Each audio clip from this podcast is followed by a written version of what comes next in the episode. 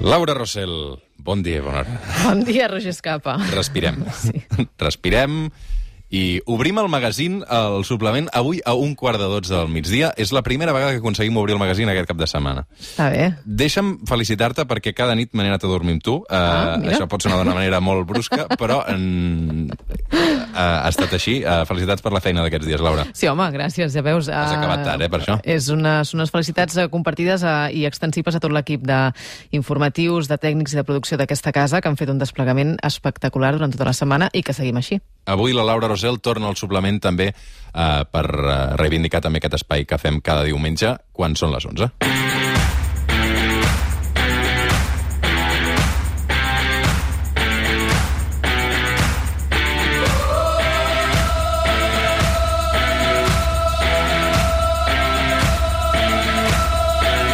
Reprenem la Bassada i Lila que cada diumenge fem amb la Laura Rossell.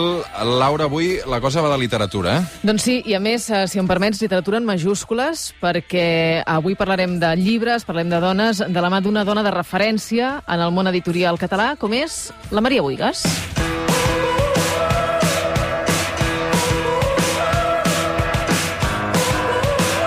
Maria Buigas, bon dia i ben tornada al suplement. Molt bé, i tu? Bé, Un bri d'esperança, eh, no? Aquesta hora també sentir-te, perquè, Ai, sí, si us plau. si us plau, va, Laura, dispara, perquè jo la Maria ah. la vaig entrevistar fa uns mesos al suplement, una conversa molt intensa, vaig venir a veure Sí. a la casa editorial, sí. no? el Club Editor, que és eh, on vius, de fet, no? sí. Que és una llibreria. Sí. És una casa que és una llibreria.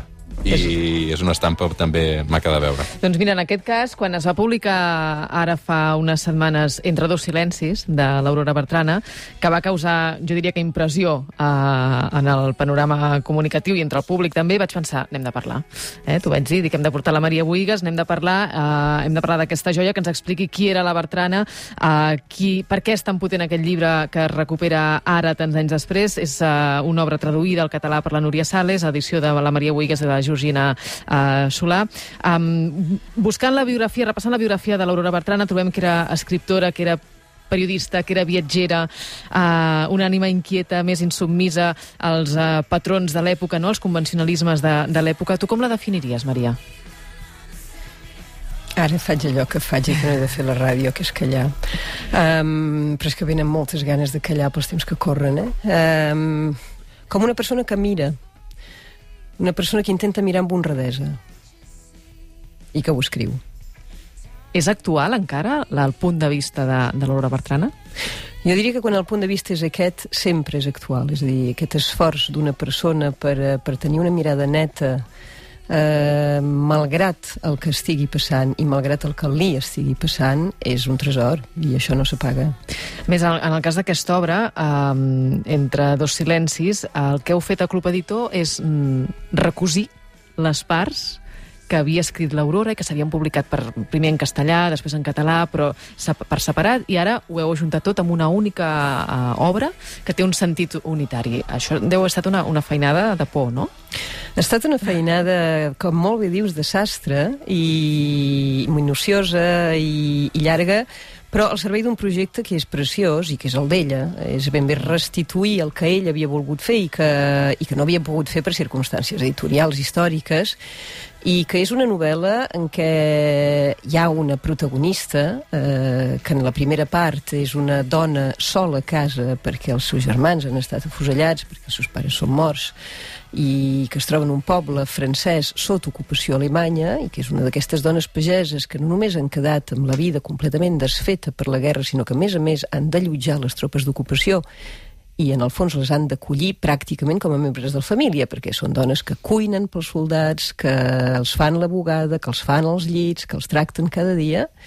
Per tant, la descobreixes durant els anys de la guerra en aquesta circumstància que és d'haver de conviure amb unes tropes d'ocupació que li han assassinat els germans, i és la convivència entre aquesta dona i les tropes que han matat els seus, i després la veus immediatament després de l'armistici, quan s'ha acabat la guerra, i que és una dona casada, que s'ha hagut de casar perquè la vida reprèn els seus drets i que la vida és tan despòtica com la guerra, i t'adones que el seu marit, que és eh, un home que ha hagut de fer la guerra i que ha tornat de la guerra en part tocat, és a dir, alterat definitivament, eh, quina mena d'altra guerra comença també per ella. Per tant, lligar aquestes dues parts que s'havien publicat de manera separada és molt important perquè, perquè és, al capdavall, la trajectòria d'una dona durant aquests temps que van de, de l'ocupació a figura que l'alliberament, que per aquesta dona no es converteix en absolut en un alliberament.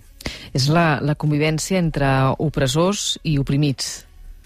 És, eh, sí, sí, i mm, entre opressors i oprimits, i, en aquest cas podríem dir ben bé entre butxins i víctimes, que de vegades és una expressió de què s'abusa, en aquest cas diria que no, perquè Entre dos silencis és una novel·la que va, que va escriure la Bertran arran d'un fet real que ella va viure de prop, que és eh, la història d'un poble francès eh, que va viure un d'aquests episodis de represàlies alemanyes als maquis, eh, que consistien en afusellar tots els homes que podien trobar en un poble.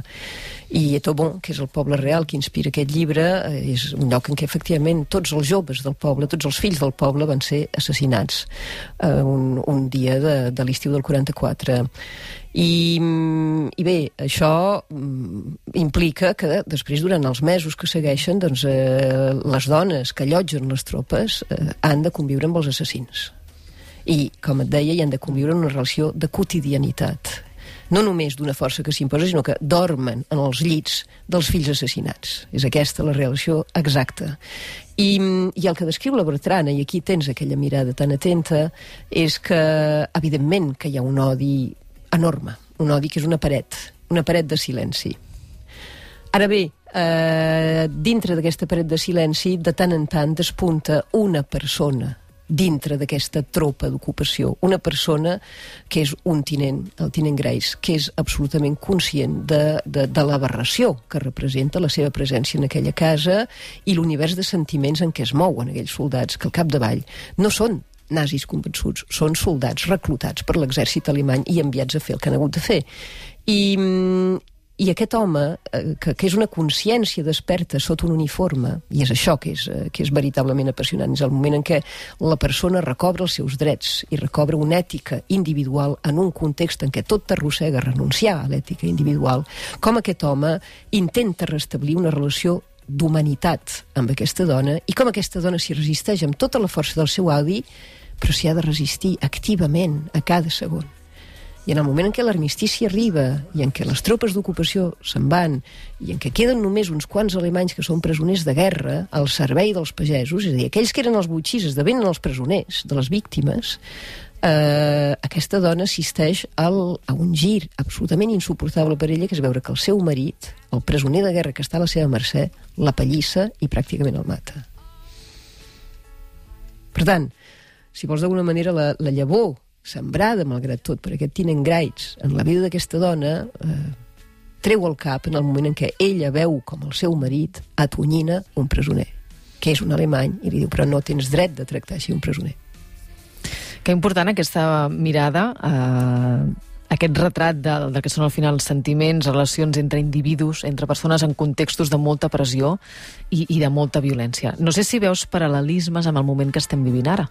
Paral·lelismes no t'ho sabria dir, perquè evidentment no, no són contextos eh, radicalment diferents. Eh, ara bé, sí que plantegen la mateixa qüestió, sempre, que és eh, quan, quan hi ha la polseguera de la ràbia i la polseguera de la violència, com tu fas per actuar d'acord amb la teva consciència? No d'acord amb, eh, amb una cosa, d'altra banda, humana i, innecessària, t'anava a dir, que és la ràbia. Vull dir, no, no, no, no, no es pot obviar, de cap de les maneres, no es pot negar, i en canvi la, la gran pregunta és no pas com, com sepultar-la, sinó com convertir-la en una altra cosa. Com tu fas perquè l'emoció es converteixi en acció? I aquesta pregunta, evidentment, que ens interpel·la. Evidentment que ens interpel·la. Jo diria que, que precisament en algunes obres literàries escrites arran de la guerra o des de la guerra mateixa, eh, per persones que la van viure i que la van, i que la van patir, penso en la Bertrana i penso també en la Rodoreda de Quanta, Quanta Guerra, molt específicament, que és, que és una novel·la en què ella agafa un personatge que és un adolescent. Això també ens parla molt avui dia. I és un adolescent que se'n va a la guerra perquè vol fugir de casa, vol fugir de la seva mare és a dir, no és cap causa que el mou, és, és l'existència d'un adolescent que el mou. I, i se'n va i no se'n surt mai de fer la guerra, aquest noi, però va coneixent tot de gent que la Rodoreda en el pròleg diu és, és gent estranya, però no és gent estranya, és gent normal que quan hi ha la polseguera de la violència comença a tenir conductes completament incomprensibles o que ens resulten incomprensibles, que no vol dir que siguin noves, ja hi eren ja, però no les veiem. I per tant, sempre és aquesta cosa que pregunten aquestes novel·les que són realment, com tu diria, les novel·les parides pel cataclisme, eh? i en què hi ha unes autores que han, que han conegut molt íntimament la violència, que l'han observada amb ganes de no tapar-se els ulls i de no deixar-se res, i que després l'han expressada intentant donar-hi, no et diré pas un sentit, però una justesa, una justesa, és a dir, saber veure les coses allà on passin i, i, i ser capaç de discernir què hi ha de veritablement personal i, per tant, ètic, i què hi ha de col·lectiu i potser gens ni mica rumiat. Mm.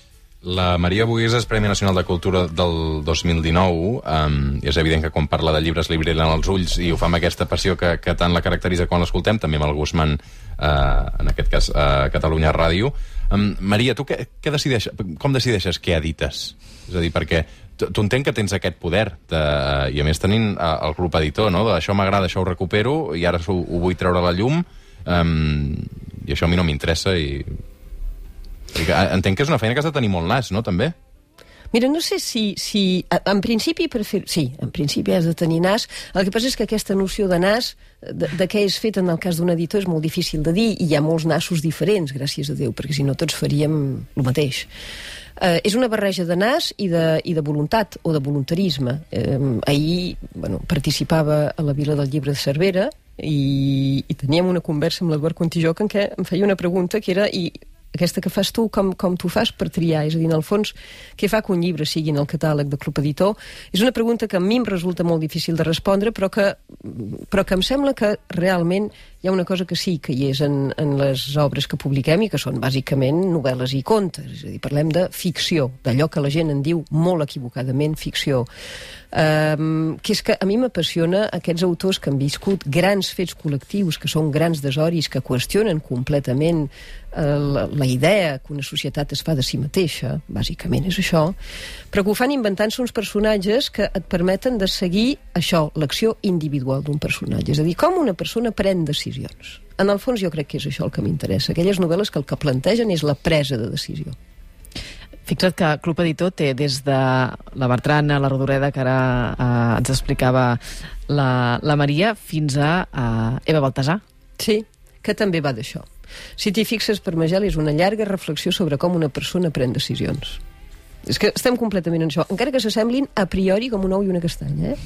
Però, i en aquest sentit et diria que l'Eva Baltasar em sembla que és una molt digna hereva d'aquest catàleg, saps? Perquè, perquè és això, i, i per exemple un altre autor que van publicar abans de, abans de l'Eva Baltasar, que és un autor que, que, que es va estrenar, diguem, en literatura, Club Editor, que és el Marc Sardó, que té un llibre que es diu Males companyies i un altre llibre que es diu Cor mentider, que em sembla que són títols bastant declaratoris, també són llibres en què el que observa és la presa de decisió. A Males de companyia és la presa de decisió d'un adolescent que també s'escapa de casa i per marcar que aquell escapar-se de casa és una protesta, cala foc. Mm. Tot això hi és, i aquesta novel·la és del 2009, en un moment en què no hi havia tot això. Però cal creure que els que tenen nas no són els editors, són els autors. Ah, Maria, no sé si hem parlat de, de, de l'Aurora Bertrana, de la Mercè Rodoreda, una mica una pinzellada només. Pot ser que, que tinguem eh, poc reconegudes, que posem poc en valor les autores clàssiques catalanes, els clàssics en general, eh? que, que s'etiqueta clàssic, al final és, no, no sé si fa referència a qualsevol autor que estigui mort, directament, o sigui, no sé què acota el que, és una bona clàssic. pregunta. Però, N'hi ha prou de morir-se per ser un clàssic. Ah, què vol dir clàssic, no? I, i després, però sobretot en, pel que fa al col·lectiu d'escriptores. De, sí. Mira, pensar en termes de col·lectiu d'escriptors em resulta molt difícil, perquè malgrat tot hi ha escriptores que han tingut doncs, una presència mediàtica fortíssima. Què t'he de dir? Mira, la Pilar Rahola és escriptora, no es pot dir que sigui invisible. Eh? No. Uh, no estem d'acord, oi?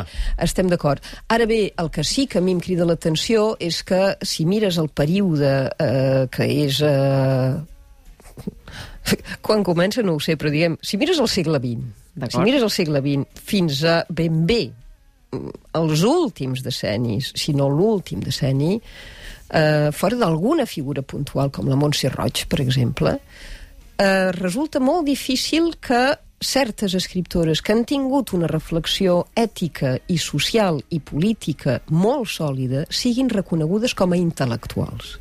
Això és el que a mi em crida l'atenció. Mm. Encara molt més que la relativa invisibilitat de determinades autores, que també, perquè després hi ha artistes, periodistes, eh, músiques, que mm. resulta que no són en absolut figures que ocupen la, la, el paisatge cultural de les persones que tenen una relació amb la cultura. És una cosa que és, és, és impressionant. I encara que hi hagi editors que hagin fet volums dedicats a recuperar la seva obra. Parlaves de l'Irene Polo mm. abans que entréssim. Sí. Hi va haver un volum de quaderns crema i tant mateix l'Irene Polo continua sent una persona completament desconeguda. Mm. Per tant, tens tota la raó. Hi ha una veritable ocultació d'un treball de reflexió i d'un treball de construcció de què és la nostra societat fet per un conjunt d'artistes, de periodistes i d'escriptores. Això no hi ha cap dubte.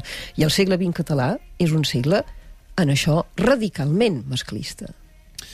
Maria Boigues, eh, sempre és un plaer escoltar-te. Eh, gràcies per avui haver-nos acompanyat del suplement, però no marxis perquè la Laura eh, té més historial per tu i per tots plegats. Historial, dit Uh, per recomanar-nos, no? Perquè no només sí. uh, va de llibres la cosa avui.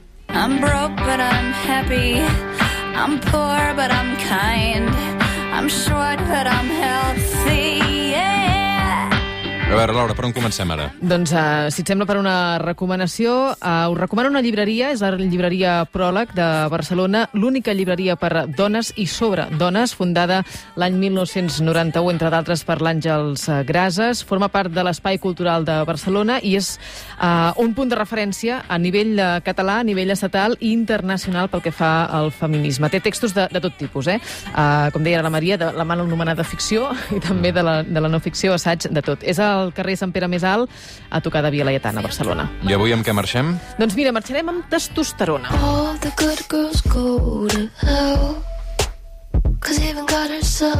aquesta la conec, aquesta és la Billie Eilish, oh, que és joveníssima, sí, és però que joveneta. realment està causant sensació. Va venir fa uns mesos a Barcelona i va ser un concert increïble. Eh, de testosterona, en principi, en té la Billie Eilish o no? Uh, en principi n'hauria de tenir, però poqueta, perquè les dones també, també ens, ens segreguem de testosterona, però l'he posat la Billie Eilish perquè, no per les, hormones, les hormones, sinó perquè el títol d'aquesta cançó jo crec que hi va de perles. All aquí. good girls go to hell. Doncs sí, uh, i això em porta a pensar en uh, una piulada que va fer el fotoperiodista Jordi Jordi Borràs eh, mm. divendres, deia un detall important, moltes de les persones que estan a primera línia de barricada fent llançaments són dones molt joves i ho fan en un ambient típicament testosterònic. Em va cridar això l'atenció, eh? Ambient típicament testosterònic, és a dir, ambient dominat majoritàriament per homes, fent-se els homes en el sentit clàssic i patriarcal del concepte home.